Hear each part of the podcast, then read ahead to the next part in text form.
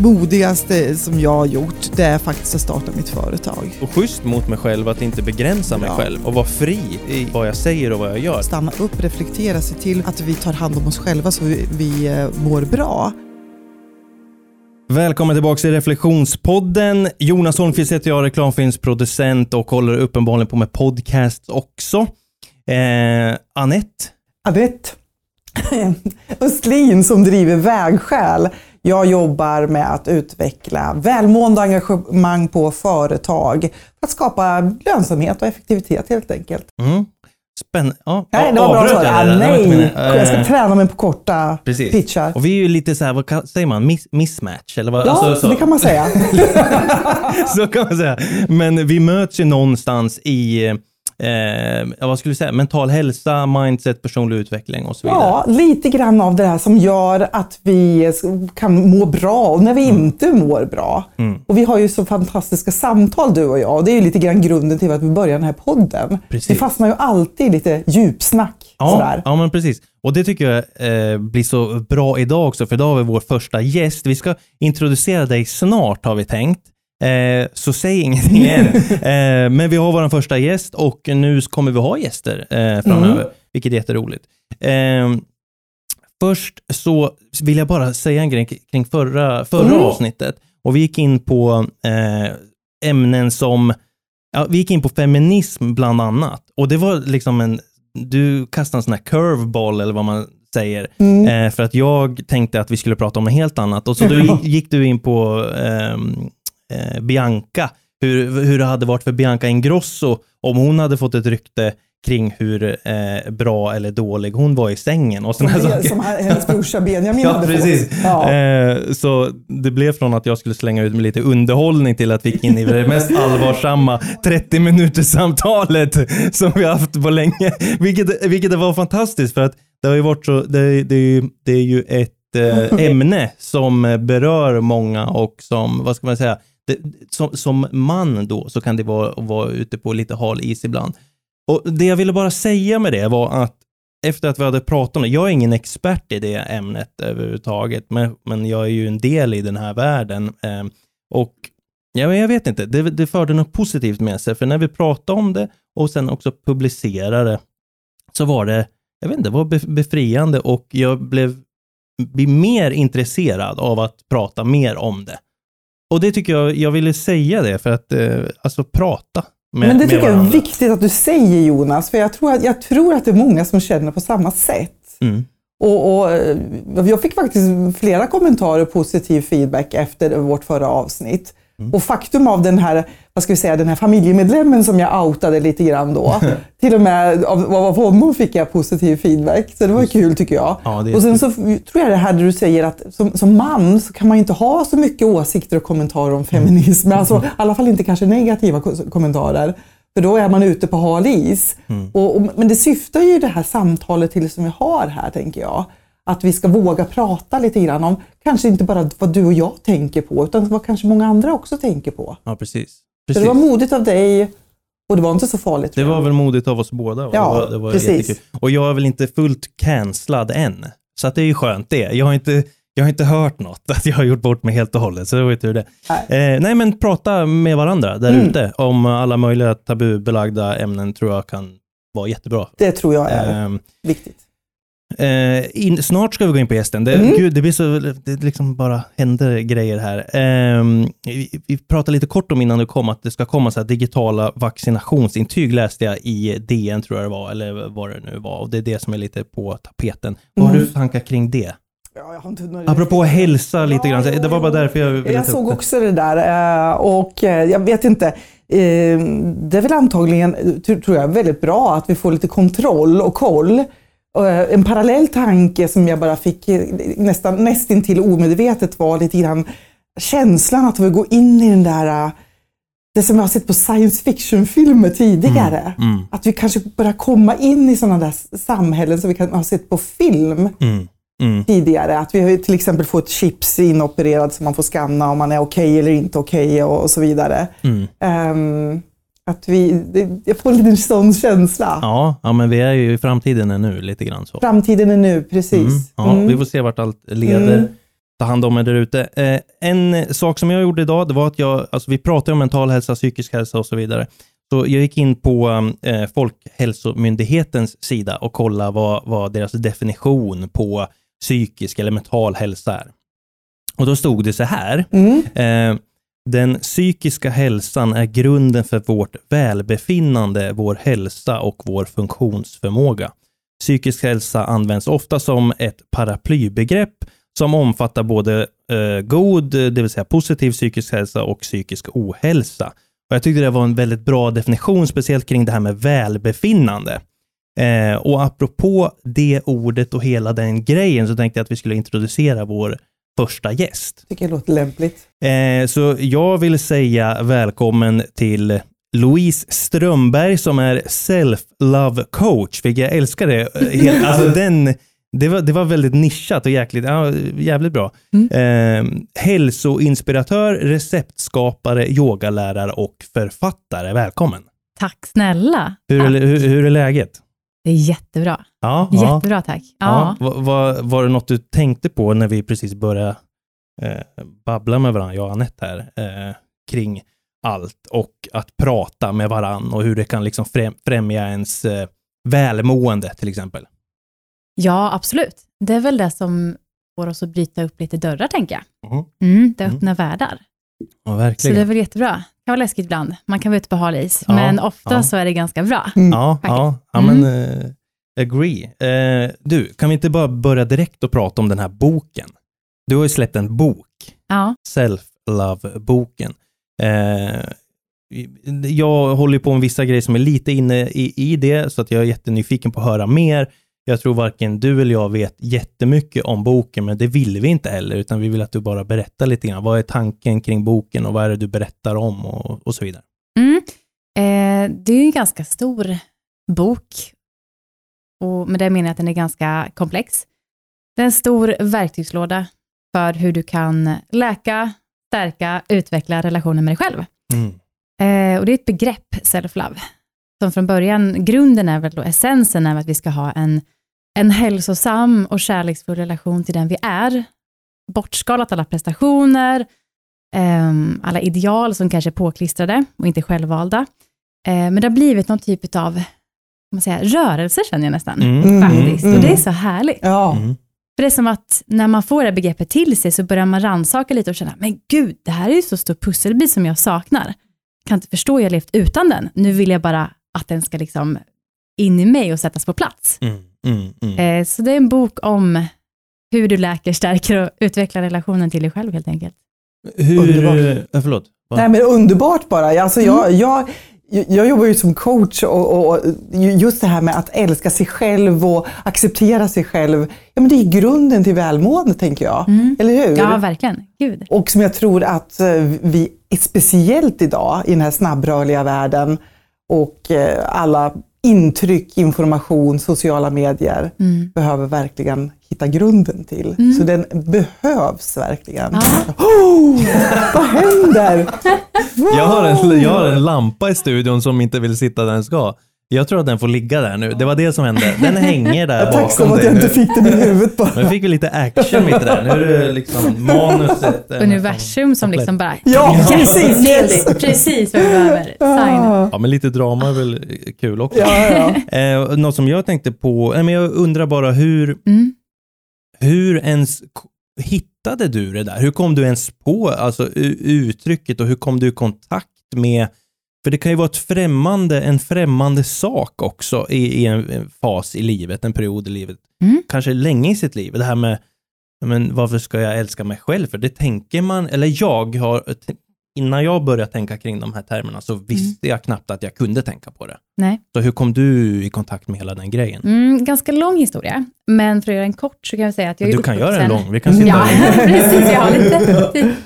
Eh, jo, men grejen är att vi alla mer eller mindre har ju hört talas om det här, eh, man slänger sig med att det är bra att älska sig Mm. själv, Mm, men väldigt få vet hur man gör. mm, Så att få höra det när man växer upp, det kan nästan vara provocerande. yes. För då känner man att, Ja, åh, vad varför betyder har, det? vad betyder Ja. det? Och varför Och kan hur jag, gör vad- jag? hur gör jag? Och är jag ens kapabel? Oftast så är vi ganska begränsade, vi tror någonstans, vi har en troföreställning som begränsar att tro att vi kanske inte är kapabla till att nå det i praktiken. Mm. Och då ramlar vi. Mm. Då når vi inte fram. Mm. Då blir det provocerande istället. Andra kan, men jag vet Ja, men precis. Mm. Eller jag har inte det som krävs för att Mm. vara älskad. Mm. Det ligger liksom långt ner vår programmering. Mm. Och det hör ju ihop med att i vårt samhälle har vi varit så, så länge har vi varit så fokuserade på anseende i vår kultur. Hur vi framställs inför andra. Så vi har liksom glömt bort att titta inåt. För vi är så himla fokuserade på att titta utåt, Mm. åt alla andra håll. Och Mm. hur jag själv liksom beter mig och hur jag tolkas utav andra. Mm. Eh, och i och med det så uppfostrar vi våra barn med stort fokus på hur man ska vara schysst mot andra. Men vem lär oss hur vi ska vara schyssta mot oss själva? Mm. finns inte så mycket utrymme. Så när jag växte upp så hade jag en otroligt destruktiv relation till mig själv, min kropp. Eh, jag hade en ätstörning som var väldigt, väldigt påtaglig. Ehm, jag, hade, alltså jag bar på konkret kroppshat helt enkelt. Mm. Tyckte det var fruktansvärt vidrigt att leva i min kropp. Mm. Så starka var känslorna. Eh, och jag var en riktig kameleont och visste hur jag skulle bete mig för att passa in, vilka ideal, ideal jag behövde följa. Och mycket cirkulerar kring just prestation och vad som krä- krävdes för att vara på ett visst sätt. Var du duktig i skolan? Är jätteduktig. Mm. Jag gjorde klart gymnasiet tidigare än jag behövde. Mm. Jag praktiserade på en av Sveriges största eh, advokatbyråer när jag var 15. Som, ja, de tog inte ens in praktikanter, men jag, jag skulle bli advokat. Liksom. Ja. Det var så fint. Jag skulle Ja. göra mina föräldrar stolta. Ja. Ja, Mm. hela den här Mm. biten. Och det gick ett tag. Jag mådde inte så bra, men det gick ett tag. Mm. Då var jag 21 och jag blev jättesjuk eh, fysiskt i min sköldkörtel. Så mitt liv kastades omkull rejält. Eh, det ledde till en depression, så under två års tid så var jag eh, på botten. Mm. Verkligen på botten. Mm. Och hade beslutat, eh, nu får ni verkligen här Mm. Mm. hela utläggningen, Mm. men det är lite svårt att bara ge liksom små punkter när man ska få förstå hela, hela sambandet. Jag var alltså väldigt, väldigt sjuk och jag hade bestämt mig för att avsluta mitt liv. Jag var väldigt tydlig med det till min familj. Jag var väldigt praktisk och rationell i mitt tänkande, även om det inte var så logiskt, men rationell var jag. Så jag förklarade för min, eh, min sambo, då min man idag, att ehm, det här blir bäst för alla och så här vill jag att min begravning ska vara, och så här vill jag att jag ska tänka kring, ja, kring det hela. Jag tror att jag gjorde det enkelt för dem, att jag liksom underlättade Mm. för dem. Det var ju min stora, och att jag skulle slippa må som jag gjorde, för jag såg inte att livet kunde vända, för jag tyckte att livet var så övermäktigt att förstå sig på. Och att kunna liksom acceptera den jag var. Eh, för det skavde så mycket i, i mig. Och sen så, istället för att då eh, avsluta, så kom det en vändning, tack och lov. Hade en fantastisk terapeut som lyckades så några väldigt val, välvalda frön i mig. Eh, kan tyckas lite hårt, men jag är helt övertygad om att hon kände av situationen Mm. ganska väl. Eh, hon fick mig att förstå att jag ju faktiskt ansvar här. Det är så lätt att man, har man varit med om ja, jobbiga saker, det kan vara sjukdom, jag har trauma med mig, jag har otroligt orättvisa saker som har hänt i barndom, uppväxt, ehm, ja, många saker. Ni vet, livet självt kan Ja. vara jättetufft Verkligen. i olika skepnader. Eh, och det är så lätt att ta på sig den där offerkoftan och tro att man bara är ett offer för livet och allt som händer. Det är så synd om mig. Man kanske inte säger rent ut, men tankarna går ju så, det maler ju så någonstans, att det här händer mig och typiskt att liksom, det är ett mindset som är Jag hade stängt av den där. Sorry. Det, är- det är lugnt. Kan du ho- Det är hoppa mänskligt. in? Det är mänskligt. Ja, men det är konstigt när man stänger av den och den låter ändå. Eller så ledsen Men det Louise. är ingen fara. Eh, ja, nej men alltså mitt mindset var ju baserat på att jag var ett offer för omständigheterna. Någon annan hade ansvar och det var synd om mig helt enkelt. Och det är lätt att ta på sig en sån roll. Det är väldigt, väldigt lätt och det är svårt att ta sig ur den om ingen riktigt sår fröet. Mm. För mig så såddes det och det slog rätt. Mm. Så när jag gick därifrån den här dagen, då jag egentligen hade gått dit, det var en, jag kommer ihåg det så väl, det var en riktigt tung novemberdag och jag hade bestämt att det här ska bli vårt sista möte, jag ville tacka henne för allting. För jag var verkligen så rationell. Ehm, så tänkte jag. Så i, men hon såg ett tillfälle att så några frön som fick det hela att vända. Så när jag gick därifrån så kände jag ett hopp om att, men gud, man kanske inte, man kanske inte behöver må så här. Det Mm. kanske finns någonting jag kan göra åt det här. Mm. Och där vände det. Mm. Och sen så är det inte att det var ett quick fix och det gick över en natt. Långt ifrån. Jag har gjort en resa som har tagit många år. Mm. Men jag har varit väldigt målmedveten och det var någonstans som att, jag brukar säga att jag är en gammal själ, nu ler Mm. min man om han hör det här. Mm. Men jag har alltid känt det som att jag har burit på någonting liksom med mig om det är för tidigare liv eller inte, jag vet inte. Jag bara känner som att någonting har jag att förmedla, någonting har jag med mig, inom mig, eh, som inte går att sätta fingret på. Och jag tror att det, den känslan någonstans var så himla fed up. Alltså den var så trött på allting som var nedärvt, kvinna efter kvinna, generationer innan mig, att det bara, nu är det nog. Enough is enough. Mm. Så jag gick hem liksom med en känsla av hopp. Mm. Det kanske var en liten gnutta, men det räckte för att få över mig på andra sidan. Och sen dess så har jag verkligen försökt göra det jag kan för att må bra. Jag trodde först och främst att det handlade, hälsa handlade om mat, sömn, minskad stress och så vidare. Och det gör det till stor del.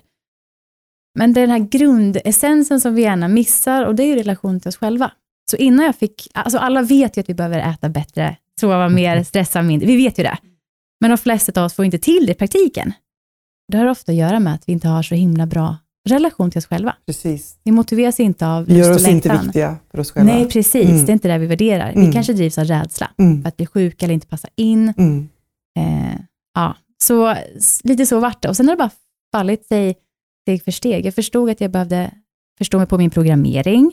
Vad är det som har byggt mig till den jag är? Vad är det för ideal jag faktiskt har? Eh, och vem är jag under allt det här? Och när jag då kunde få liksom det här svart på vitt och verkligen förstå varför jag har de här beteendena som jag inte mår bra utav, tankemönsterna som skadar mer än det gör nytta, Mm. då kunde jag börja också jobba med det. Då skapade jag mig själv en medvetenhet. Och eh, då kunde jag skapa ett mindset utifrån hur jag ville leva livet. Inte bara vara ett offer för omständigheterna. Och så- det du väljer själv och hur du vill ha Precis. ditt liv. Exakt, jag kunde styra. Ja. Ja, och det är, det är som kraft. Jag vill bara skrika ut i världen att alla kan ju göra det här. Och det spelar ingen roll hur gammal du är. Nej. Jag kan bara känna, jag är sån tur att jag, jag är så ung och har uppnått det här. Mm. Men, ja, men den som lyssnar ut, så kanske 80 kan också Mm. göra det. Det här är så fint. Mm. Och det är upp till var och en. Och det är möjligt för alla. Ja, men det är det. Mm. Det är det. Även om man känner den där hopplösheten som du säger Mm. fr- från början. Det här är inte för mig eller Mm. det här kan inte jag lyckas med. Precis. Ja, vilken fantastisk historia, Louise. Verkligen. Jag, jag tänker så Jag blir här, berörd. ja, men, ja, men jag, jag tänker så här att det känns som eh, cirkeln är sluten på något sätt så här, för, för oss, för vi, vi har suttit eh, flera gånger och pratat om eh, just det här, men, och du är inne mycket på det här i din coachning Mm. och det här att eh, vi, vi, vi själva har, eh, vi sitter, varje individ sitter på makten att göra den förändringen som vi vill göra och så vidare. Mm. Eh, och så berättar du den här storyn nu. Jag vet inte. Det, Ja, och för, det, det, min reflektion kring det du berättade, om man ska liksom ha någon spaning på de människor jag möter och mina egna erfarenheter, att man, när man hamnar i en situation när man, man upplever att man har så mycket utmaningar i sitt liv, Mm. var man än tittar så har jag en utmaning. Mm. Jag känner stress, jag, jag har det jobbigt på jobbet eller jag har jobbet med familjen eller vad det nu kan vara. Ehm, så ser man den här hopplösheten som du var inne på, Mm.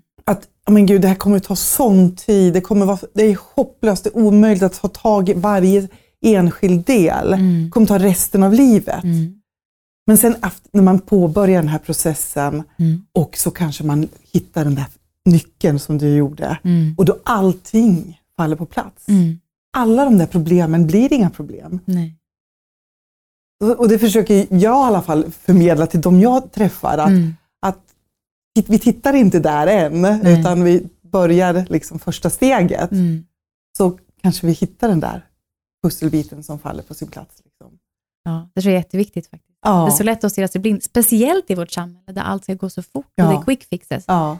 Då har vi väldigt lite tålamod Mm. och tolerans. Mm. Men eh, det är ju en process. Och jag Mm. menar, jag är ju inte, jag, det är inte som att jag har hamnat på en punkt i mitt liv där jag känner att Åh, nu är jag färdig, kom hit allihopa, här är mållinjen. Det är ju inte så det funkar. Jag kommer, leva, jag kommer lära så länge jag lever. Mm. Men, Det är ju grejen med livet. ja, men det är ju grejen med livet Mm. och det är det som är så fint och Mm. inspirerande känner Mm. jag. Nej, men alltså, jag älskar att umgås med människor som liksom är inspirerande, som liksom har, som jag kan lära mig här nyfikenheten. Ja. Och vad, vad kan jag lära om mig själv och vad kan jag lära av andra? Till exempel höra dig berätta här nu. Det är ju fantastiskt inspirerande. Ja, är, man är ju aldrig klar. Det är ju Nej. det som är så härligt. Nej, precis. Och vägen från då att jag verkligen blev motiverad och började den här resan, så har jag ju gått på nitar, jag har gått liksom sidospår, jag har backat, jag har börjat om och jag har fallit och väldigt mycket har ju hänt och det är många delar. Ibland så kan jag få den här frågan, så här, ah, men ge liksom tre bästa råd. Mm. bara, ja, fast alltså, jag var tvungen att skriva en bok för jag hade så mycket att säga. så jag önskar jag hade ett quick fix. Ja. Men det är inte det det handlar om. Men som du säger, Anette, man behöver inte fokusera så mycket på tiden, Jag menar, jag är inte ens, jag fyller 30 år. Jag har uppnått det och Mm. jag var på en plats där jag, raka motsatsen. Ja. Du kan nå, alltså det, inte fokusera så mycket på tiden, utan mest bara fokusera på resan dit kanske. Precis. Mm. Och, och vad jag tänker på, det tror jag vi har pratat om Jonas, det är ju just det här att, att, ehm, att vi, vi eh, oj vad skulle jag säga nu? Men vi, bru- vi brukar prata om Ja, brukar vi prata Kanske om? Jo, nu processen. vet jag. Nu Ja. vet jag. jag. Jag hade två parallella spår. Mm. Eh, att man behöver, du fick ju verkligen gå igenom en verkligen tuff period Mm. och mådde jättedåligt. Du var i kris kan man Mm. säga. Mm. Um, och det vi har pratat om är ju att tänk om vi kan då förmedla det här, dina insikter, eh, så vi inte behöver gå igenom en kris. Att komma på det här ändå, om jag får Mm. uttrycka mig så. Absolut. För jag, mi- mina, att jag är den jag är, det beror ju på mina kriser. Mm. Att jag har utvecklats och kommit till mina insikter och, och, och så vidare. Och samma gäller väl dig Jonas. Mm. Mm. Ehm, men det vore ju så fantastiskt. Jag tänker på ungdomar idag som, lever, som är liksom inpräglade och uppväxta i det här samhället vi lever idag med Mm. tillgänglighet, sociala medier och, och allt det här. Att eh, kunna få de här verktygen tidigt. Mm. Visst är det häftig tanke? Ja, Att kunna vara med och liksom verkligen uppfostra en ny generation Ja, och samtidigt precis. få njuta av det och mm, sprida till sina medmänniskor oavsett ålder. mm. Det är ju jättehärligt. Fantastiskt. Ja. Får- Får jag bara fråga eh, där, alltså vad, vad är... Alltså folk ska ju läsa din bok, Mm. såklart. Eh, men om du kan berätta lite grann kring hur du faktiskt, alltså hur du faktiskt genomförde det här jobbet. För jag, jag tänker också att det är lite individuellt också, vad man behöver jobba med och så här. Men Mm. Hur gör du? Har du? Är det någonting du gör dagligen eller är det, no, är det vad, är, vad är jobbet Mm. för dig?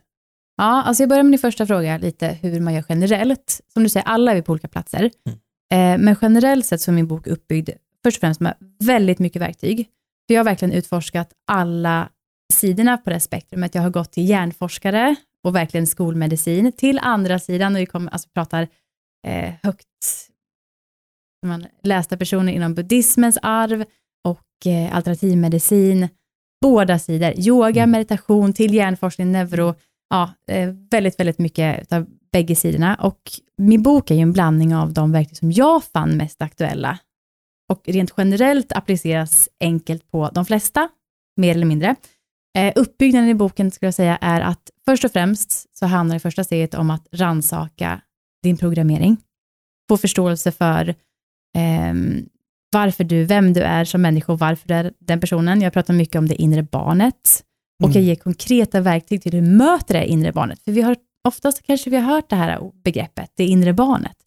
Men många vet inte vad det egentligen betyder. Det kan låta lite flumt till och med. Mm. Och egentligen så är det en central del inom psykoterapin som Mm. är använt liksom i otroligt framgångsrik. Ehm, så dels det, det är ju en start, att verkligen försöka ransaka, konfrontera eh, saker som varit tuffa, våga stå i sin upplevelse och validera. Så här upplevde jag att liksom växa upp till den jag är. Och att liksom söka sig till ett space, jag har övningar i min bok, men också så uppmuntrar jag till att man, man söker sig till ett utrymme där man får uttrycka sig eh, fritt i hur det var, min egen historia, sin egen upplevelse. Eh, man behöver inte konfrontera en person specifikt, det räcker med att söka till- sig till en, en närstående, som du kan vara sårbar med, Mm. eller en coach, terapeut i, någon, i den yrkesrollen. Någon som kan göra space för dig att få ja, men uttrycka det fritt. Mm. Inte komma med svar, inte komma med lösningar, det är inte det det handlar om. Jättebra. Men bara liksom bekräfta dig Ja. i där du står för. Ja. Det är liksom, helt plötsligt så får någon slags grund, det blir som att det är något som bara väcks inom oss. Bara, Mm. men gud, det här, man gör en upptäckt. Det har alltid funnits där. Våga se. Man vågar se det, Ja. alltså då händer magi. Mm. Det är så kraftfullt.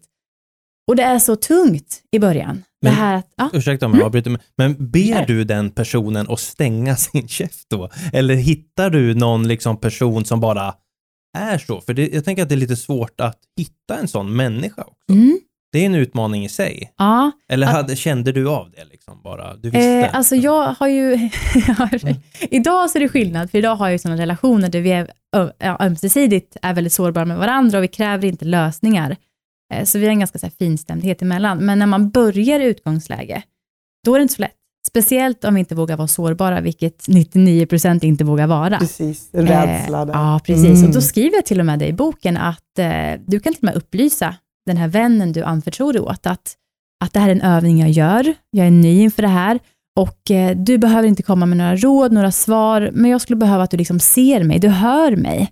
Du validerar mig bara genom att finnas och ta emot det här, för det Mm. gör så stor skillnad. Eh, så man får liksom instruera ibland. Mm. Och det är helt okej. Ja, Ja, ja, man ja. lär sig tillsammans. Ja, bra. Mm. Eh, ja, så det är väl första stora, stora delen. Och därefter så kommer det ja, svallvågorna som blir eh, den här nedförsbacken, tänkte jag säga, men det blir mycket enklare att förstå sig på det. Det blir medvetandehet. Då kommer vi in på mindset. Mm. Det är det stora, att jobba med mindset. Förstå sina automatiserade tankebanor, de som vi inte riktigt eh, är medvetna om att vi tänker, men som hela tiden rullar på där inne i huvudet. Mm. Eh, granska och rannsaka sina beteendemönster. Och så kan man liksom sitta och lägga ihop ett och ett. Vad vill jag ta bort? Vad vill jag tillföra? Hur vill jag leva mitt liv? Hur gynnar de här beteendena mig eller inte? Eh, och så kommer jag med övningar på hur man eh, styr om helt enkelt kursen. För att Ja. ändra mi- ditt, Precis, mindset. ja, precis, för att ändra mindset Ja. och, och styra livet så som Ja. du vill leva. Ja, precis. Ja, så det är ganska komplext och det är därför det är så svårt att liksom ge bara så här, ja, men ge tre stycken tips. För det här Mm, är nej, liksom men- stora grejer Ja. och det förstår man när man läser. Men rent eh, ja, generellt så är det så, det är två riktigt stora delar och därefter så kommer det eh, ja, massa, följt av massa verktyg, allt ifrån hur du eh, möter dig själv. Mm. Eh, vi, vi står inför ett jätteskifte i världen. Bland annat behöver vi lära oss att liksom, vi är känslovarelser. Vi är känslo, människor är en kä- känslovarelse. Och vi har sysslat så länge med att förneka det här och trycka undan att vi blir helt, ja men True. alltså, ja, och speciellt killar, speciellt män. Ja. Alltså ni står för Ja. så att jag menar, ah, det här, Oj, oj, oj, det är så spännande. Ja, det är så spännande. Ah, gud, det är, Men det, är ungefär det, som det, det, det är ungefär det värsta som finns, att närma sig sina känslor. Mm, är min upplevelse hos vissa, speciellt män. absolut. Att det är värre än döden nästintill Mm. alltså. Mm. Ja, men det tror jag, alltså, apropå prägling och sånt, Ja. väl- men, ehm, som vi har pratat om några gånger. Mm. Eh, men vi pratade väl om det där rätt så nyligen, att när jag kom in liksom i det, vad ska man säga, det lokala näringslivet och sånt här, alltså jag håller ju på med film, reklamfilm, det är vad jag gör och så ja, minglar man och träffar dem. Jag liksom lärde mig på något sätt att när det kommer till business så, alltså, man kan inte vara så känns... Alltså, det är ju faktiskt, det är ju, det är ju så faktiskt. Alltså, kanske när man blandar in för mycket känslor och business så går det lite åt skogen, men för mig blev det så här att jag försökte liksom ta bort, jag försökte inte använda mina känslor, alltså i, i, i min business eller vad man ska säga.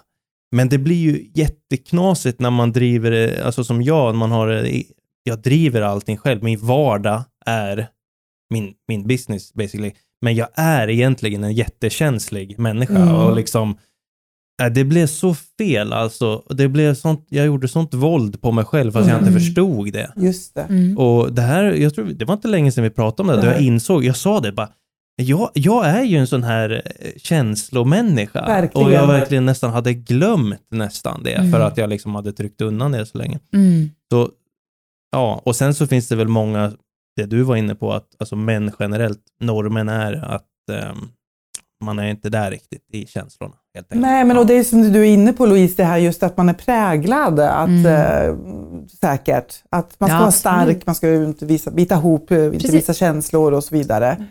Och ska man helt plötsligt börja göra det, det då kanske det är förknippat med ett hot. Mm. Och det är därför det är så viktigt att du är inne på medvetenhet, att Mm. medvetandegöra hur vi människor funkar rent hjärnmässigt. Alltså, ja, men det här med mindset, att vi är ju, vi är ju sen stenåldern präglade att leta efter hot och, och faror, Mm. vilket gör kanske att vi tenderar att gå till det negativa Mm. Absolut. mindsetet i Absolut. första hand för Mm. att scanna av, finns det några hot? Mm. Och så, det är ju viktigt att medvetandegöra liksom hur vi fungerar. Mm. För att på det sättet kunna jobba, som du är inne på, Mm. att prägla om. Precis. Det är så kul att du säger det. Ett delkapitel i min bok, som nästan är starten, det är faktiskt ehm, ja, men en liten inblick i hur vi funkar som varelser. Precis som Mm. du säger, vi Mm. bär ju med oss den här stenålders, eller alltså Mm. hjärnan från savannen. Ja, Den sitter ju fortfarande här uppe, fast Precis. omständigheterna och omgivningarna är helt annorlunda. Så vi snappar ju upp negativa tankar hela tiden, för hjärnan uppfattar det som hot. Mm. Fast vi egentligen vet någonstans att det här Mm. är inte farligt. Jag blir inte utfryst från en flock för att jag inte har samma tröja som Mm. dem. Mm. Men ändå uppsnapp, alltså snappar vi upp det, för vi vill bli älskade, vi Ja. vill tillhöra, för det sitter så himla djupt. Ja. Och det här är spännande. Och då är det ju svårt att förändra någonting om inte vi är medvetna om hur det fungerar. Precis, ja, verkligen. Så den, den, den, det steget är ju superviktigt. Ja, ju. det öppnar ju upp så mycket. Ja. Det är ju en nyckel som bara, Ja. ja, ja, då kanske jag också kan, nu när jag vet, kanske jag också kan välja en annan väg, Ja. eller försöka. Ja. Och det är ju en frihet alltså. Mm. Mm. Jag tänkte också på det här du sa med, här, med det eh, inre barnet. Mm. Kommer du ihåg det eh, Jonas, när vi hade vårt, ett avsnitt när jag var lite nedstämd? Eller jag kommer inte ihåg. Jo, jo. men det var ju det var lite omständigheter i mitt liv Mm, där mm, som var lite stökigt. Ja, just eh, det. Så. mm. D- då jag pratade just om det här med inre barn, att jag får ta hand om mig själv. Och liksom Mm. just det här att känna att man har någon att luta liksom huvudet mot någons axel, att någon som Mm. man blir omhändertagen Mm. Och få se sig själv lite grann. Ja, men nu tar jag hand om dig lilla Anette, det, kommer bli bra det här.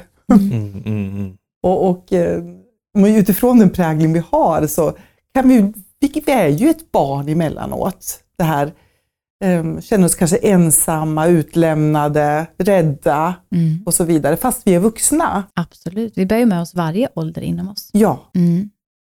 Och just det här med det inre barnet är så spännande. Det är ju nästan ett avsnitt för sig, men det är värt att nämna lite att, att man också, ja, man kan ju förstå sig på sig själv som vuxen mycket enklare om man kan ransaka sig hur man faktiskt var när man var barn. mm. För det som du säger, det som blir triggat idag när vi är samspel med andra människor, vi känner oss lite isolerade, eller ensamma, lite, vad var det för känslor du nämnde? Det här med att man känner att ensamhet. ensamhet, rädsla, utlämnad. Exakt. Ja, Och det är sånt som triggas för att vi, när vi var barn, ofta kanske då inte fick med oss, vi fick inte alla behoven kanske tillgodosedda. Mm. Det är svårt att vara förälder. ja visst. Och oftast så har våra föräldrar i de generationerna haft sårade inre barn inom sig själva, Mm. vilket, Mm. vilket påverkar Mm. deras föräldraskap såklart. Absolut. Mm. Så är det ju. Men det, det hoppfulla är att det går att nysta upp Ja. och det går att förändra. Det är så fint. Jag var faktiskt, jag gick i en sån här självhjälpsgrupp ett tag. Det var som ett typ av, ja det var ett tolvstegsprogram basically. Mm. Som heter, eh, nu ska jag komma ihåg, för nu var det ett tag sedan där, men ACA tror jag, Adult Children Association, Mm. tror jag att det är. Mm. Så det där är ju en riktig grej och när jag blev liksom introducerad då tänkte jag, "Va- what the fuck är det här? Tänkte jag lite grann så. Eh, Men det var en vän till mig, som, en vän som vi, vi pratar om ja, allt mellan him himmel och jord, lite grann som du och jag Anette. Mm. Eh, och den människan eh, gick i det där och så jag hängde med då liksom. Och det där var ju faktiskt otroligt hur, hur det här lilla barnet igen, eh, alltså lilla Jonas, hur den, de upplevelserna, att jag bär med mig det på något sätt och tar beslut utifrån hur jag kände då på något sätt. Mm. Helt så här omedvetet liksom. Absolut. Ja, det, och det är, det är fantastiskt. Det där, och så det kan jag verkligen eh, rekommendera för folk att kolla upp, för att det finns någonting där i det du pratar om, det här med Mm. inre barnet. Verkligen. Och jag själv, ja, jag, jag har själv gått i, i en sån där grupp. Det var väl bara det jag ville eh, lä, lägga in. Ja, men, och det, det är så viktigt och det här behöver ju alla. Men du Mm. Louise, hur tänker du kring, för jag är ju helt en och Jona, vi är liksom, det här författar vi, liksom, det är så bra och det är så viktigt, speciellt tänker jag idag i vår snabbrörliga värld. Mm. Ehm, men hur gör vi då för att nå ut till liksom alla som behöver och inte bara de som kanske är öppen för lite alternativa tankar och som, Mm. till de här som är kanske lite rädda. Mm. Alltså, när jag började med det här, och jag säger det här, då menar jag alltså att försöka att jobba med det hela helt Ja. enkelt. Efter, jag hade kommit ur min egen upplevelse och jag tyckte att jag bar så mycket som jag kände att jag ville dela med mig av. X antal år tillbaka, då var jag väldigt sådär att jag, jag kunde ge allt bara för att försöka omvandla alla människor, för jag tänkte så här, gud jag har så mycket, Mm. om de bara fattar Mm. liksom. Idag är ju inte jag där. Utan jag tänker bara, jag kan ju, jag kan ju omöjligtvis tvinga någon annan, eller liksom, jag kan bara inspirera genom att leva som jag lär. Vara öppen mot de som är nyfikna. Mm. Kan tyvärr inte sälja på de andra, fast jag vet hur bra det här skulle Ja, vara. Men bara precis. som en sån sak som de som lyssnar idag. Det är Mm. säkert inte alla de som har hört det här eller är inne i det här till 100%. Kanske blir lite nyfiken. Ja, och någonting triggas igång i dem. Det kan vara Ja. nyfikenhet, de kanske är jätteskeptiska, Mm. men någonting Mm. sås liksom. Små steg alltså. Ja, men verkligen. Mm. Man ska inte underskatta dem. Nej, Nej. det är helt rätt. Ja, Ja, det, här, det här är så spännande för jag, jag är ju lite så här otålig av mig. Eh, och, och vill ju att det ska gå lite snabbare. Mm.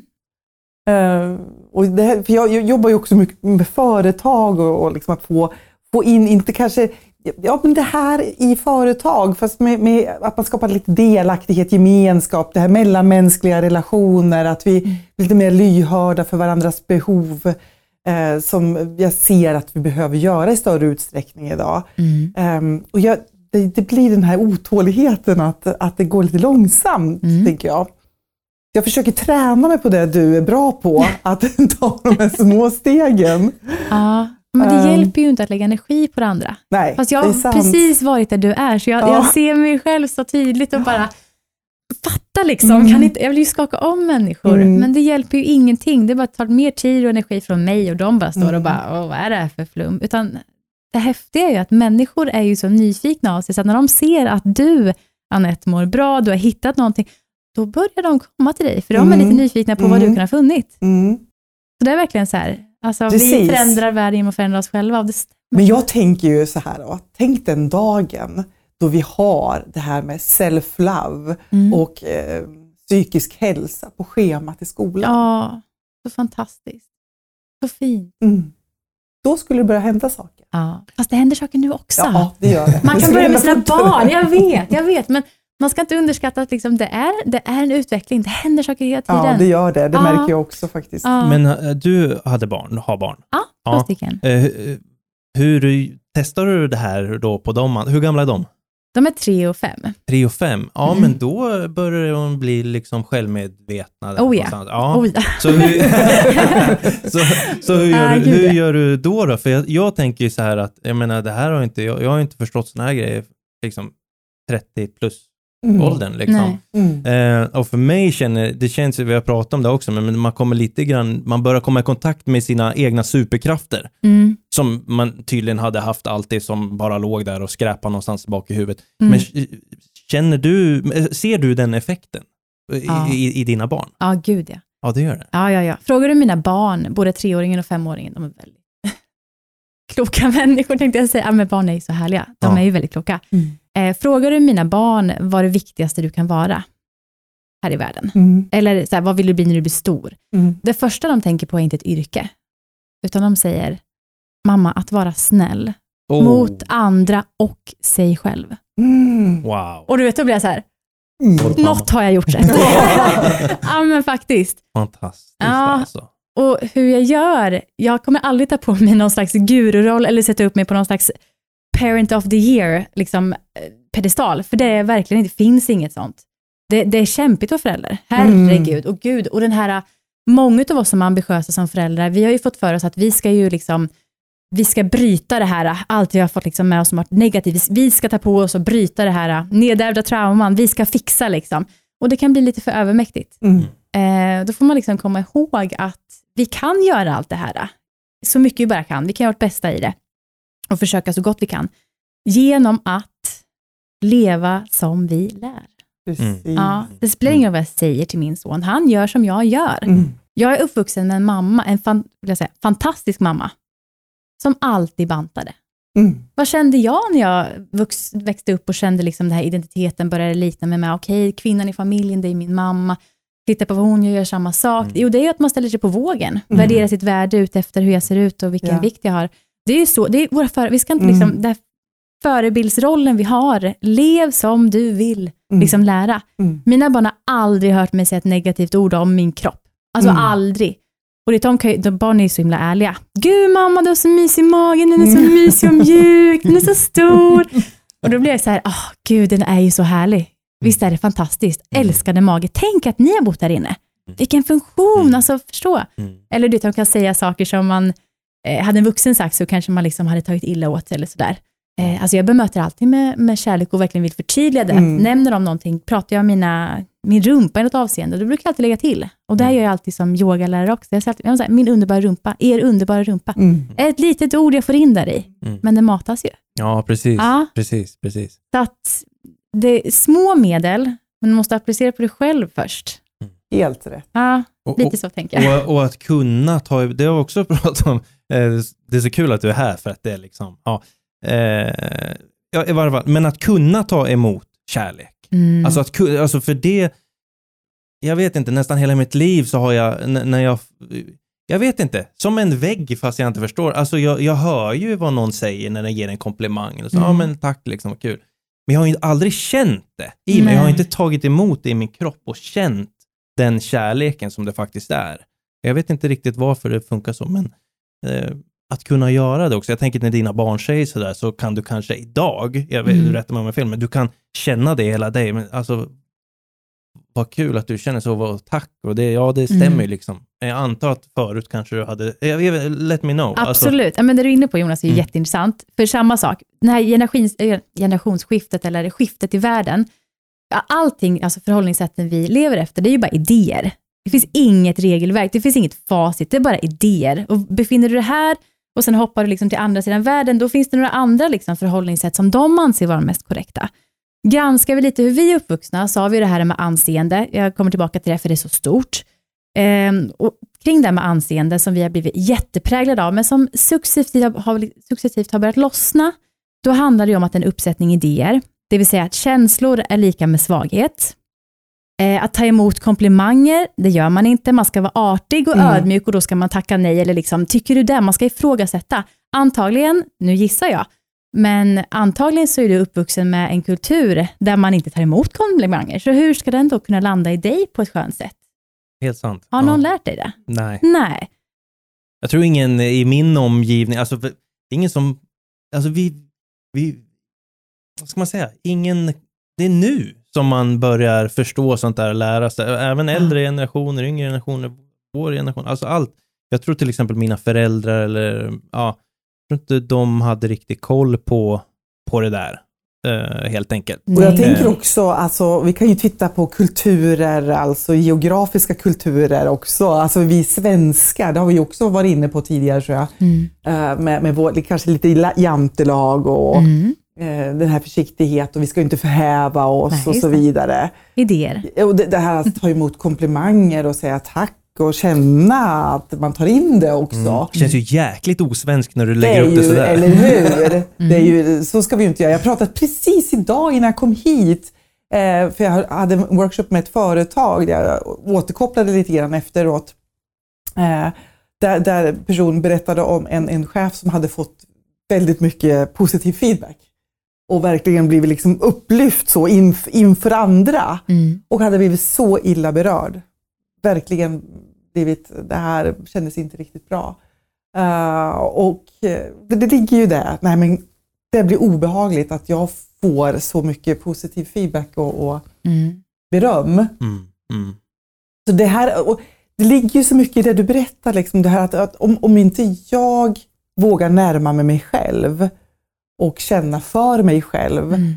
så är det ju också svårt också att ta emot andras kärlek och kanske ge också på riktigt, Mm. eller hur? Du kan ju inte ge någonting som Nej. du inte själv har. Precis. Om man ska vara Ja, så ska du kunna älska och få kärlek på riktigt så Mm. måste du liksom börja absolut. här inne. Livet börjar när du på riktigt har kommit i kontakt med vem du är. Mm. Så det är ju nästa steg i min bok. Det är liksom bara det här som kommer efteråt, det härliga. Det är Mm. att kunna leva livet liksom fullt ut, med helhjärtat. Jag säger Mm. leva helhjärtat. Mm. Det kan du inte göra Nej. på riktigt förrän du har kommit till det här steget. Eh, men det är så fint när man liksom kan bryta de här trenderna som du säger att jag, jag var ju likadan. Jag tyckte det var jättesvårt att ta emot komplimanger. Man skämdes man ju nästan. Alltså, Mm. Till och skam blandades in för att idéerna av Jante är så Mm. präglade. Vi har sett hur våra föräldrar gör och Ja. så vidare. Ehm, men att träna på en sån sak. Jag brukar säga till mina kompisar om det är någon som, ja men man hör någon som får en komplimang eller jag ger en komplimang och när personen gör det klassiska, nej, tycker du det? Eller Mm. tycker du? Eller Mm. nej, nej, nej. Då blir det nästan lite så här, man kan bara säga tack. Mm. Låt det landa. Precis. Och de vet inte vad de ska göra med det här. Mm. Och, och jag ser precis, jag vet ju precis vart de har varit, men jag måste ju få så lite frön också. Så en sån sak. Och Mm. likadant i, eh, tillbaka till hur man uppfostrar, eller hur vi gör hemma hos oss. Eh, här, våga vara i känslor. Alltså verkligen. Mamma är ledsen för att ledsamhet och gråt, det är två helt naturliga känslor, precis som det är att vara glad. Ja, men så inte, viktigt. ja, men det, det är inte lika bekvämt, det är en Nej. jobbig känsla. Mm. Vi vill inte vara ledsna. Mm. Men, att det är okej det är naturligt, det är okej. Ja. Ja. det, är okej. det är en del av att vara människa. Ja. Det är inget konstigt. Mm. Det betyder inte att det är ditt fel. Mm. Det kanske inte är någons fel. Det är en känsla. En känsla är en del av att vara mamma, Mm. eller pappa, eller Mm. barn, att vara människa. Mm. Eh, och det här har vi fått kämpa ganska mycket med vår son, för han blev präglad fort av de äldre generationerna. Och jag såg ju även det här i eh, mina samma ålder, om man säger, som var föräldrar. Det ligger så djupt det här med att, om jag tänker det här scenariet, det är ganska, kan verka, verka lite banalt, men det är, säger så mycket.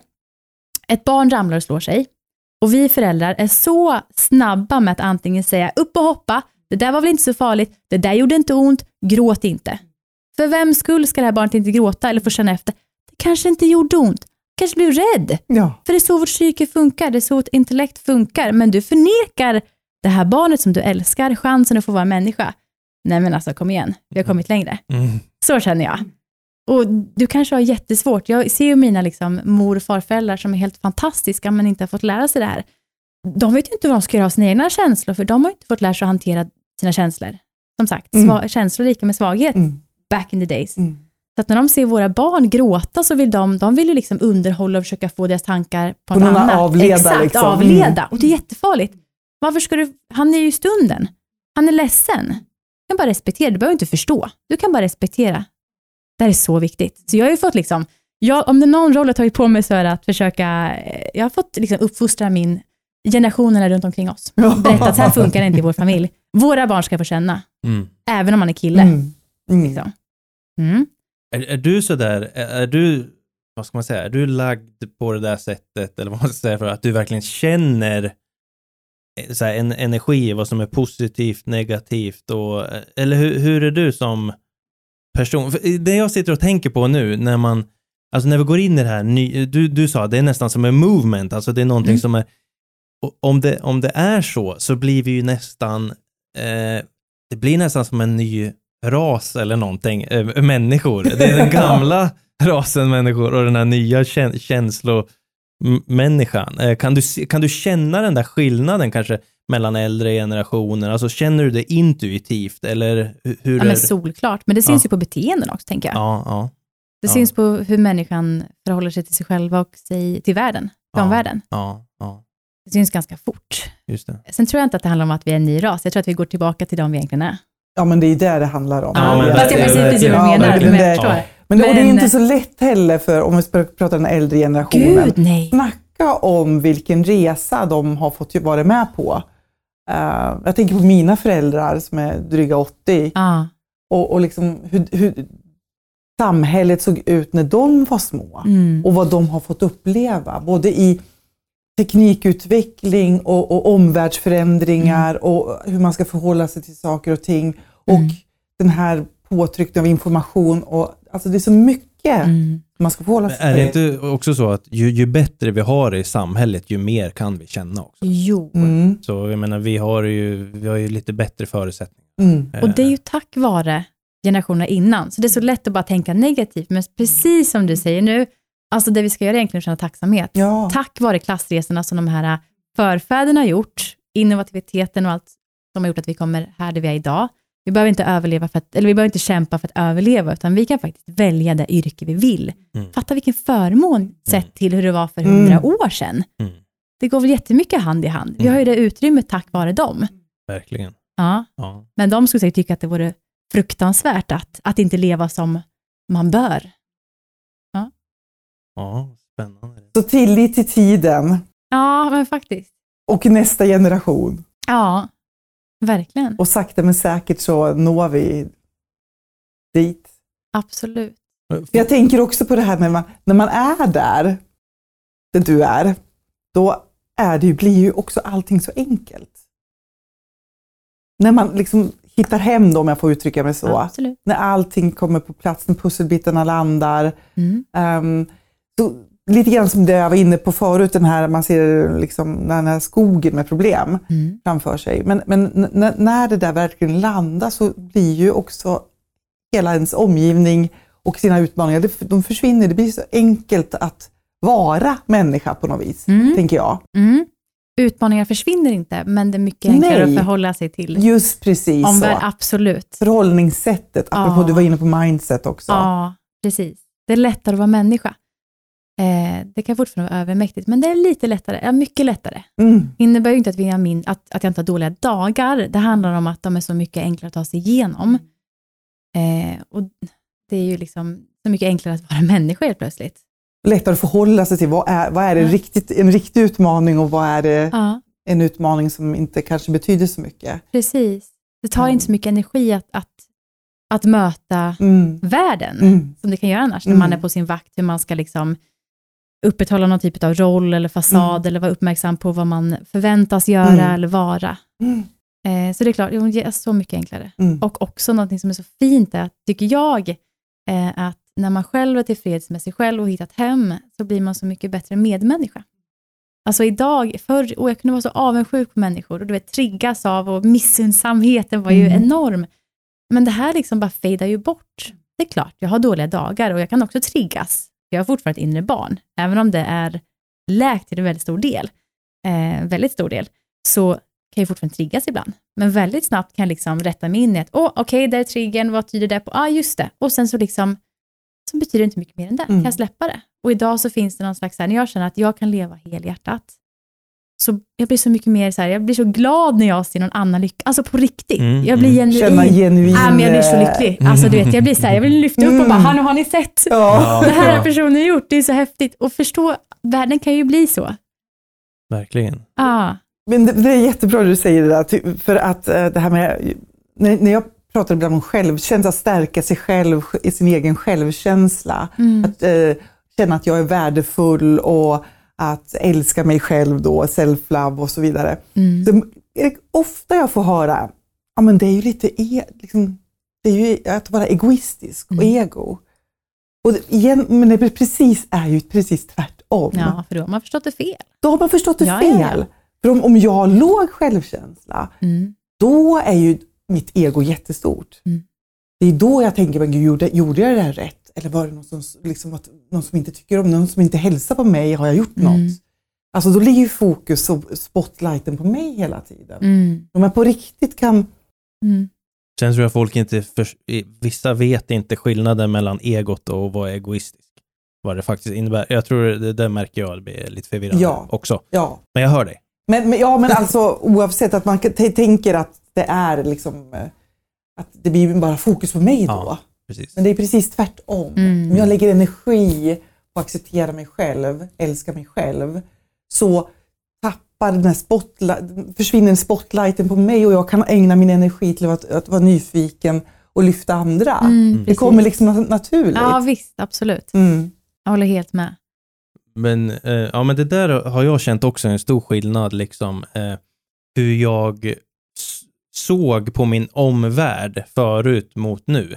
Mm. Eh, omvärlden är, den är lite rörig fortfarande. Det är väldigt mycket intryck som jag behöver förhålla mig till hela tiden. Men det som har förändrats hos mig när jag liksom jobbar på mig självkänsla och liksom konstant utvecklar mig själv, det är just liksom hur jag bemöter den här omvärlden. Att, att, att, just, det låter så på något sätt klyschigt eller corny, guess, inte i dina öron, det kanske bara jag, men det är det här med, med att, att jag vet inte, jag ser alla människor, det vi pratade om förut, jag ser alla människor som, det är bara eh, kärlek på något sätt. Alltså även om det är, eh, även om det är eh, lite mörkare energier och lite, eh, även människor som kanske har, de få som har en dålig intention, eh, men även där liksom att den där är inne i sin resa och sitt kaos och den behöver lösa det och det har inget med mig att göra, apropå det här Mm. med egot. Mm. Mm. Eh, och, och hela det där tänket har ju verkligen kommit när, ja, när, när jag har jobbat med mig själv. Mm. Så det blir verkligen ett skifte. Mm. Eh, jag är lite nyfiken på dig där, men alltså det, det, här, det här skiftet. När du verkligen kom till, när du verkligen, för det handlar väl om en insikt nästan hos sig själv, eh, när det här skiftet går från kanske ett destruktivt tankemönster, när, till, när man ser den här ljusglimten, Mm. verkligen så. Vad, vad hände i, i dig då, alltså energimässigt? Blev du liksom, förstod du att Jesus, det finns en helt annan värld där ute och fylldes du liksom av massa eh, kärlek eller energi eller vad, vad, vad, vad, hä- vad hände hos dig? Eller det kanske inte var ett specifikt moment heller, utan det kanske var bara under lång tid. Jag vet inte. Ja, jag la nog bara märke till det successivt tror jag. Ja. Um, för precis som vi har tränat på att, att tänka negativt om oss själva eller negativt kring någonting med vårt liv, så har jag ju liksom tränat på att ha ett förhållningssätt. Det vill säga att den här inre kritiken, han är inte så himla kritisk längre. Är det egot skulle du säga? Är det en Eh, han också? Ja, ja precis. Spännande. Hen kanske jag ska säga. Hen är inte så... Eller så är det en han. Ja, jag har, faktiskt, jag, jag har faktiskt ingen tydlig bild av någon könsroll om jag ska vara ärlig. Jag bara, nej, utan det, men det inre kritiken, alltså idag, det är väl här som, när jag började märka det så blev jag verkligen så här, oh, wow. Eh, och det att den inre kritiken har vi ju alla någon typ av inre röst som ska liksom föra oss på rätt kurs hur, och förklara för oss hur vi ska bete oss. Ofta är den präglad som ett resultat utav idealen som finns. Eh, inte vad vi kanske vem vi är, utan hur vi bör föra oss. Eh, och det kan vara ganska elaka eh, konversationer där uppe som sker. Kritiska, väldigt, väldigt anklagande och ja, men bara nasty. Mm. Men jag har ju tränat så länge på att, eller tränat på att liksom hela tiden ha en fin konversation. Inte alltid alltså, utan när jag är verkligen det börjar jobba. affirmationer då som du jobbar Kan med man och så säga. Nej, men Ja. så fort jag gör någonting, så jag har liksom bestämt mig för att så fort jag hör den där rösten, ska Mm. jag bemöta den. Mm. Säger Mm. den till mig till exempel då att, eh, eh, gud vad ska andra tänka? Då är jag på min vakt och liksom så här motagerar med att, men det spelar ingen roll, för jag är bra nog som jag är. Alltså det kan låta nästan lite klyschigt, men, men det, det är ju precis som man faktiskt får. Jag bemöter liksom den, eller har gjort. En inre dialog liksom. en inre eller- dialog, precis. Det är tankar. Precis, jag, jag känner igen det där själv. Liksom, att, att, ja, men ibland kan jag inte tänk, undra om andra människor fungerar som jag. För jag kan ju ha liksom, samtal med mig själv. Eh, när det, jag har motstånd mot någonting. Eller Ja. när, ja, försöka ge mig själv, nej men Anette det här kommer bli bra. Ja. Du, du, du duger som du är. Du gör ditt bästa nu och så får vi se hur det går. Och, ja, men, För det vi tänker är ju vår, upp, alltså vår verklighet. ja, Det är så hjärnan Ja, ja. verkligen tar det som att Ja. okej, det här är vår värld. Fast det kanske inte alls är så. Det är bara att jag har den tanken. Och när jag vet det, och jag har rannsakat och förstått, okej, min inre kritiker beter sig så här, det är på det här sättet, så här attackerar hon eller han Mm. som värst, där triggas den av. Då kan jag också bestämma mig för att men jag ska möta det med värme.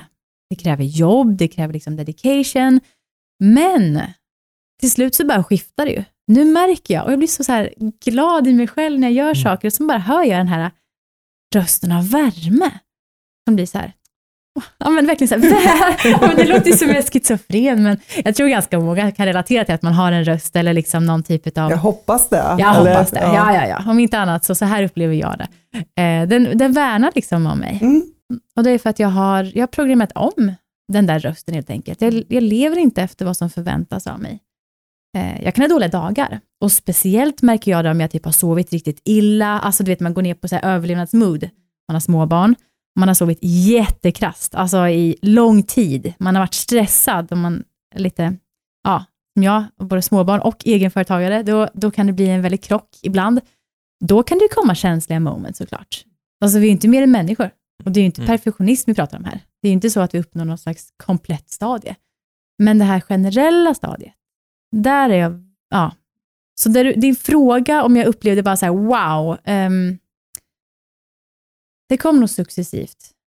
Och jag lade märke till det mer och mer. Och jag märkte också hur jag började bete mig annorlunda mot människor. Jag ser precis som du, allt är kärlek. Vissa kan bara inte komma åt det för att de har väldigt mycket som hämmar dem.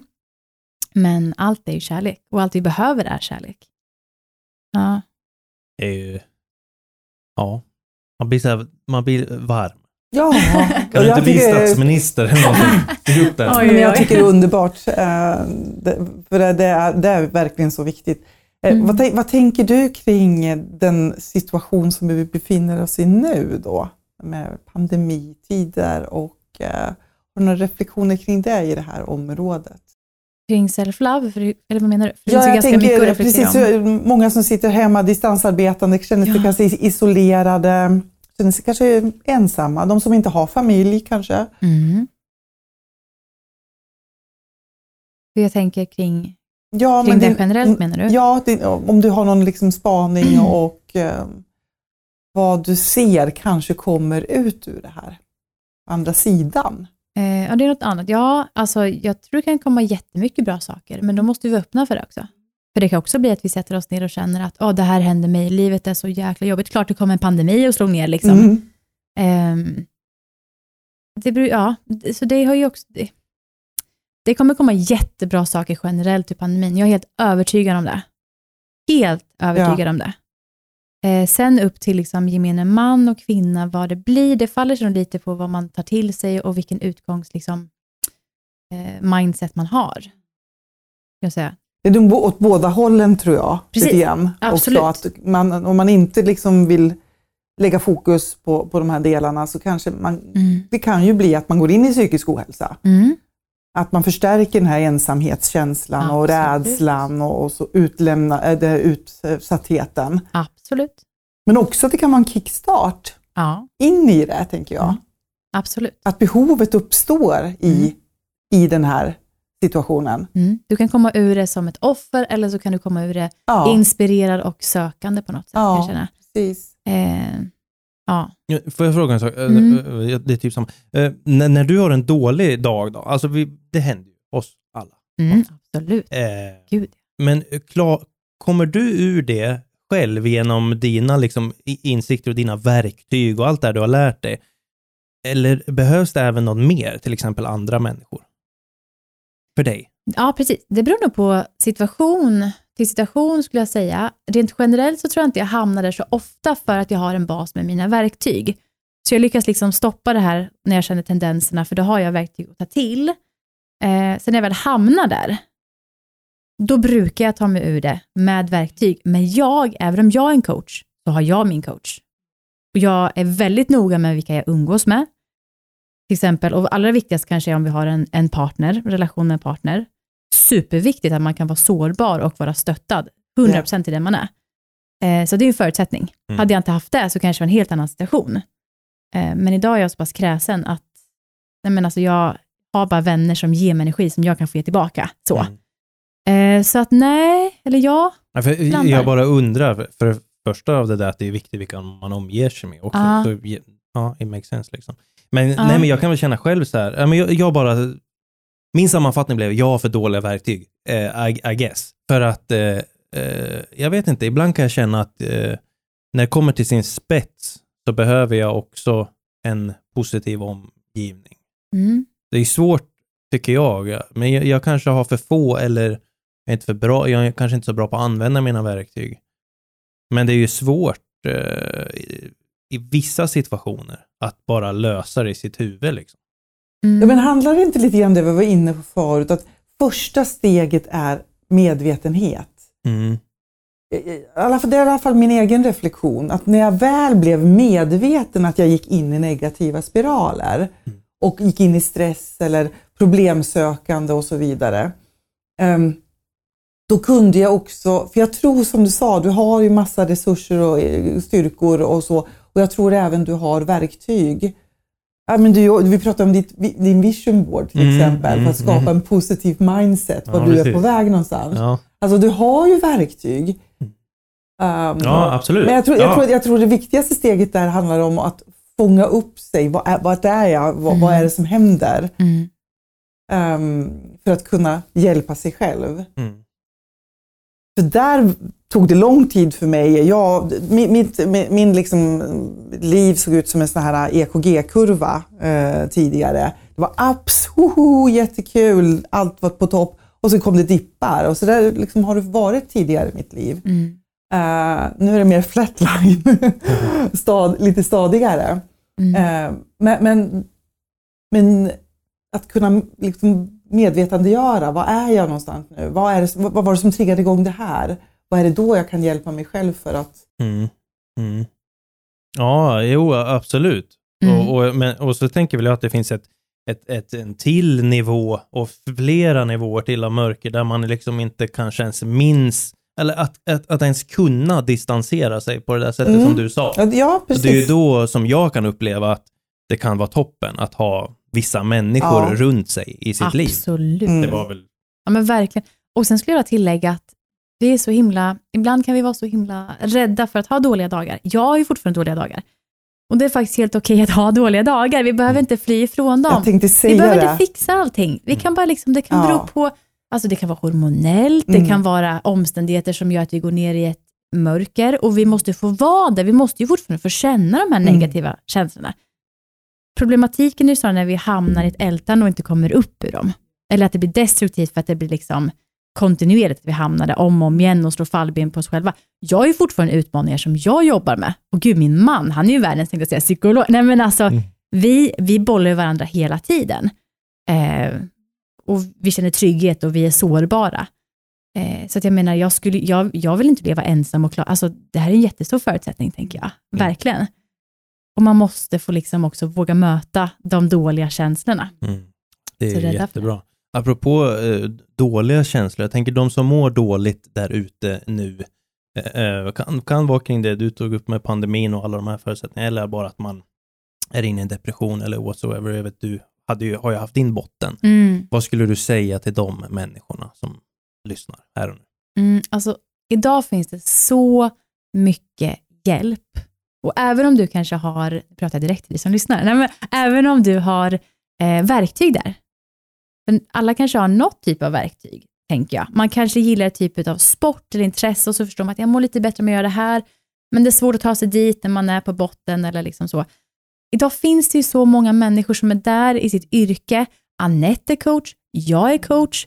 Eh, alltså, det finns så många olika terapeutiska yrken som bara väntar på att få Mm. göra plats för dig. Det finns online, finns det massor, massor med hjälp. Absolut. Så Och jag menar, böcker att läsa. jag har böcker att läsa Ja. och ibland kanske man inte ens är mottaglig för den där boken. Nej. Man kanske bara behöver möta någon som kan göra plats åt dig Mm. och man kanske inte känner sig trygg med sin omgivning så pass mycket i sin sårbarhet så man kanske inte vill blotta sig. Jag tyckte det var jättejobbigt, jag gjorde ju inte det större delen av mitt liv. Det är ju senare åren som jag lever med sårbarhet som någonting som är liksom eftersträvansvärt. Eh, Men till er skulle jag verkligen vilja säga att nej men, vänd dig inte till omgivningen om det är så. Alltså tvinga dig inte om det känns så obehagligt. Gå till någon, sök dig till någon Mm. som jobbar med det här. Ta upp din telefon, googla coach. Mm. Alltså det, det finns så nära. Hjälp finns. Hjälp finns, Ja. var modig och ta dig dit. Så sitter någon på verktyg och kan stötta dig. Som jobbar med det, som har vikt sina liv åt att, att hjälpa. Eh, hjälpa till att göra Och livet ta det där enklare. lilla första steget som sagt Ja, var. Att precis. inte se det där övermäktiga som vi var Nej. inne på. Eh, man kanske upplever det, ja, det är ingen idé för det är, så, det är så djupt nere eller jag mår så dåligt, det finns ingen som kommer kunna hjälpa mig, jag har Mm. försökt tidigare och, och det funkar inte och så vidare. Men, men se det som ett första bara steg. Ja, precis. Verkligen. Ja. Den är Och se, svår. vad, se vad det är som händer. Ja, och den tröskeln kan vara jättestor svår, Mm. stor och svår att ta sig över, så man ska inte underskatta den Mm. och vikten av att liksom, Mm ja, men jag vet själv hur det är att, att stå på sidan och bara tänka att nej, och vem, och så ska jag hitta någon också som jag kl- alltså, klickar med och vad ska den kunna ge, för att allt är ju främmande innan man har tagit sig dit. Men nu är jag på andra sidan och bara känner att gud, jag önskar att vi, inte bara när vi är sjuka och redan är där i ett dåligt läge, utan också innan skulle kunna ha det här som friskvårds, liksom, eh, alternativ, att på samma sätt som vi investerar i de här PT-timmarna på gymmet, jag önskar att människor kunde se coach av olika slag, eller terapeut, psykolog, you name it, allt det här yrkeskategorin, som en investering i att det, liksom, det är PT för hela din varelse. Det är liksom Ja, kropp, bra. själ, varelse, spirituellt. Mm. Nej men alltså, många frågar ju, så som jag också gjorde, hur många gånger tror du att det tar det här? Då liksom Mm. radar de upp här på bordet och bara, så här, det är typ hela mitt liv vi ska gå igenom. Tror du att det funkar på en, två gånger eller? Och Man bara, fast det här är liksom, jag som sagt, jag tror det är likadant. Jag är precis likadan. Jag är coach och jag skulle aldrig vilja släppa min personliga coach. Och hon i sin tur har sin coach. För vi är bara människor. Mm. Men vi behöver bli ledda. Jag tror att Mm. idag finns det ett behov som är extra stort av att faktiskt vara ledda, för vi är ganska ensamma Mm. generellt. Um, vi behöver hitta någon som vi känner att den här personen ger mig inspiration, ger mig kraft, stöttning. Ehm, Och se också, tänker jag, att det här är en sån här kontinuerlig träning, precis kopplat till den fysiska träningen som Mm. du var inne på. Precis. Att om, jag, om jag ska springa ett maratonlopp om om ett år så räcker det inte med att jag springer ja, fem kilometer en gång i månaden. Liksom. Du, du, jag behöver hitta någon form av en, en ständig träning. precis. Precis på samma, sak som, eh, samma sätt som vi går till gymmet, många. Att vi, vi har vår träning för att stärka. Vi vill ha en stark och hälsosam kropp. Mm. Men vill vi ha en stark och hälsosam knopp så behöver vi träna på samma sätt. Mm, precis. Den mentala muskeln. Ja, Liksom. Ja, men ja. det är ju så. Du går inte till yoga en gång och sen hittar du och tar med det hem och Nej. behåller det, utan det är ju liksom, Fylla på, fylla ja, på, fylla precis på. som med träning. Ja. Och då kommer vår den här reptilhjärnan in och bara, "Fast det ska vara bekvämt och det ska, ja, det är, då kan du förändra ditt förhållningssätt där och bör- börja, börja landa och ta till dig tanken av att, okej, hur, vad har jag för behov? För det kommer ju också i den här processen av att lära känna sig själv. Vad har jag egentligen för behov? Det är inte bara liksom mat, sova, träning, sex, eh, vila, utan det är liksom individuella uppsättningar med behov, vad just du behöver för att vara liksom eh, påfylld, helt enkelt. Och sen att våga tillgodose sig det och se det som att okej, det här är vad jag behöver. Det här är verktygen. Det kan vara att gå till min coach Anette, det kan vara att gå till yoga eller lyssna på en podd på en promenad. Då får man ju tillämpa det regelbundet för en del av den du är, Mm, precis. tänker jag. Superbra. Ja, jättebra. Jag vill bara lägga till också där att det är liksom en bonuseffekt av att börja liksom eh, söka hjälp. Mm. Det är ju också att man börjar då, när man kommer in i den, vad ska vi kalla det för, hjälpvärlden, så förstår man att, för då börjar man träffa andra människor och som har varit i liknande situation. Mm. Och då förstår man att, ja okej, det är inget större fel på mig heller. Mm. Det finns Ja, liksom, men precis. ja, och det, man- ja, men det är väldigt Mm. viktigt. Men du nämnde ju också den, den här gruppen du gick Ja, precis. till. Ja, men det var ju väldigt det så är här, ett bevis på det. Ja, det var, det var ju jätteskönt att bara att, eh, förstå att okej, eh, jag är inte helt, alltså det, jag är inte jättekonstig, det finns, det här låter ju hemskt, men på något sätt att se, eh, det här låter sjukt, men jag hörde ju historier i de här grupperna som var långt värre än, än mig. Och jag önskar inte att någon ska ha det så. Men det blev ju det blev också någon förståelse för liksom att det finns det finns folk där ute som förstår en. Mm. Eh, och det är inget fel på en. Så nej, kan man säga. Nej. Eh, Du, vi, det här heter ju Reflektionspodden. Förresten, det finns ju massa saker du gör. Du håller på med yoga som du var inne lite grann. Alltså, eh, Mm. gud, vi, det, vi hinner inte riktigt allt. Vi behöver inte Det avrunda. var så Du- trevligt. men är det... mm, Det är ju mer du sysslar med. Alltså, eh, Ja. men är det liksom... För det är yoga, du har boken, du är Mm. coach. Eh, men det, det är ju såklart paketerat åt samma håll det där kan man säga. Allt hör ihop. Ja, Ja. ja, precis. ihop. Allting har ihop. Mm. Det är bara redskap som jag använder liksom, Ja, just det. till samma håll. Eh, Yogan, hjälper Mm. den dig liksom att eh, jobba med din, alltså att älska dig själv och sådana saker? Är det där du är i någon typ av med meditation state? Ja, men det, det kan man säga. Ja. Det är ju ett möte med oss själva, Mm. som vi inte är vana vid. Som sagt, så vi Mm. börjar med att säga att vi är så vana att titta utåt. Yogan blir ju en chans att få bara stanna upp. Gör du yoga och inte bara, för det är skillnad på att göra yoga och att liksom träna i yogiska positioner, typ Mm. gå till gym och liksom stärka sin kropp.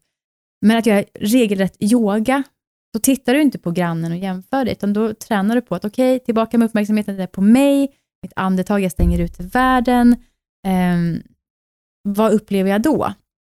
Så det är ett regelbundet möte med mig själv, där jag kan checka av, liksom, okej, jag hittar det här lugnet och i lugnet kommer svaren. Eh, det är så jag tystar alla andra röster, så jag kan höra mig själv. Mm. Och eh, jätteviktigt verktyg i mitt liv, Mm. Mm. faktiskt. Ja. Mm. Cool tycker jag. Eh, du, vet vi heter ju Reflektionspodden då. Mm. Eh, och då tänkte jag lite grann så här, vad, vad är viktigt? Vad har varit viktigt för dig i ditt liv att reflektera kring så att du kan nå en, en utveckling hos dig själv? Eller en större utveckling? Vad som har varit viktigt att reflektera över? Ja, Mm, som, det, har hjäl- som har hjälpt dig. Det Ja. kan väl vara... Ja. det är nog precis det vi har pratat om, tror jag. Mm. Alltså reflektera över hur vi fungerar som människor överlag, som art. Eh, vad jag har för beteenden, varför jag har dem. Eh, och sen reflektera över hur jag vill leva. Mm. Mm. Det är det viktigaste. Cool. Skulle du säga att det är att gå ett steg fram, eller ett steg bak för att kunna gå tio steg fram? Så sa jag sist på podden. Det känns Just som det. det är eh, resultatet av eh, reflektion liksom. På Ja, något sätt. nej men absolut, det skulle man kunna säga. Eller ett steg in för att gå Ett steg oss. in. Ja, den var bra. Den var bra. Ja, Snyggt. Ja. Snyggt. Mm. precis. Ja, men jättebra. Eh, Ja. Vill du tillägga någonting? Ja, men jag vill Eller fråga om man vill komma i kontakt med dig då, Louise, hur gör man då? Man blir nyfiken på att kanske köpa den här boken Ja. eller komma till co- coaching till dig. Ja, men precis. Om man vill köpa min bok så finns den där böcker säljs. Man kan antingen hitta den på min hemsida, louisestromberg.se. Det har en webbshop eller vilken annan, eller de flesta, många, många bokbutiker. Och mitt absolut bästa tips där, som jag vill tillägga nu i coronatider, är att om du har en lokal bokhandel, gå och stöd dem, för de behöver Ja. mer nu än någonsin, om vi vill ha kvar böcker och den fysiska bokhandeln. Mm. Har de inte boken, be att de tar in den. Ja, och sen så hittar de mig framförallt på Instagram. Det heter Louise Ström, stromberg.se. Där delar jag recept och ja, tankar, feel good, inspiration, så mycket som jag kan. Mm. Och där kan man även komma i kontakt med mig för coaching. Perfekt. Coolt. Coolt. Ja, har vi ens sagt det, att du har en väldigt holistisk, holistisk approach, alltså, men det har väl framkommit, hoppas jag. det, jag- jag- Det känns som att vi förstår det. vi- Det skulle jag gärna vilja grotta ner lite mer i, just det här till hälsa och kost och den delen. Men, det- för det tycker jag också är jätte, jättespännande. Mm. Eh, Men det är ju som vi sa innan, det är, allting har det är en helhet. Ja. Mm. Precis. Så när folk brukar fråga mig, liksom så här, vad jobbar du med?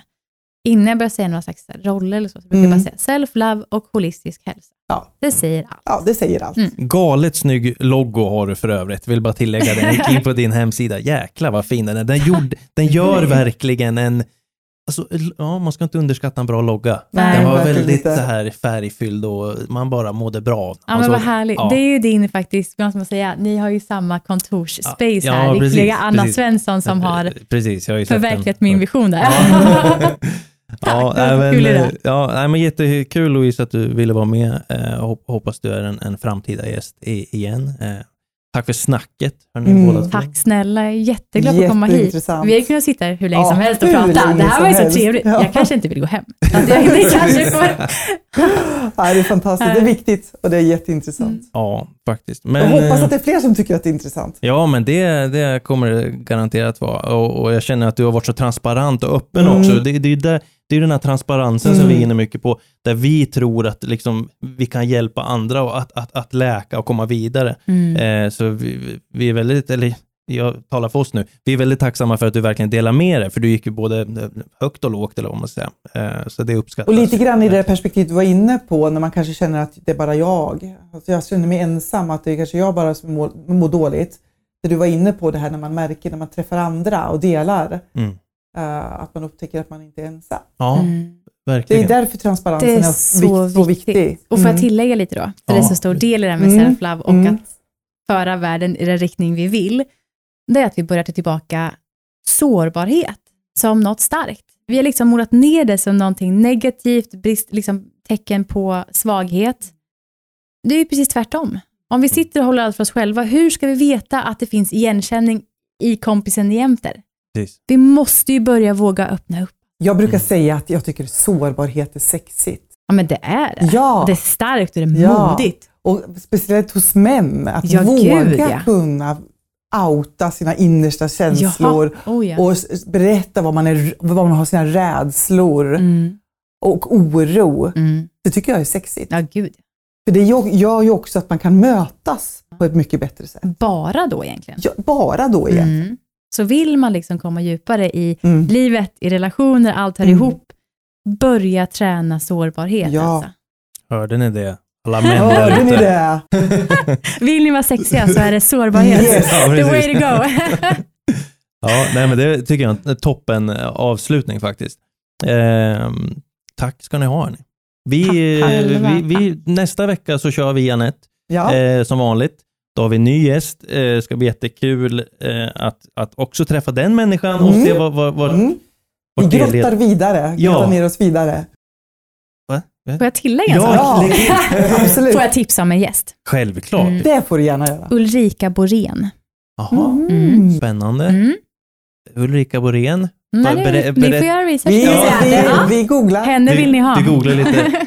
Tack, tack, tack för tipset. Eh, ni som lyssnar, eh, ni får gärna dela till vänner, nära och kära om ni känner att det här gav er någonting. Och hittar ni till YouTube, prenumerera, gilla, kommentera och allt det där så blir kanske världen bättre. Ska vi så, säga så? Absolut. Nu tog jag i så, Det så står jag vi för. sprack. Det Ja. står vi Ja. för. Det står vi för. Ja, det är bra. Eh, vi säger väl hej då då. Ja, det gör vi. Mm. Ja, Ha det bra. gott. Hej, Ta hej. hand om er. Hej. Hej.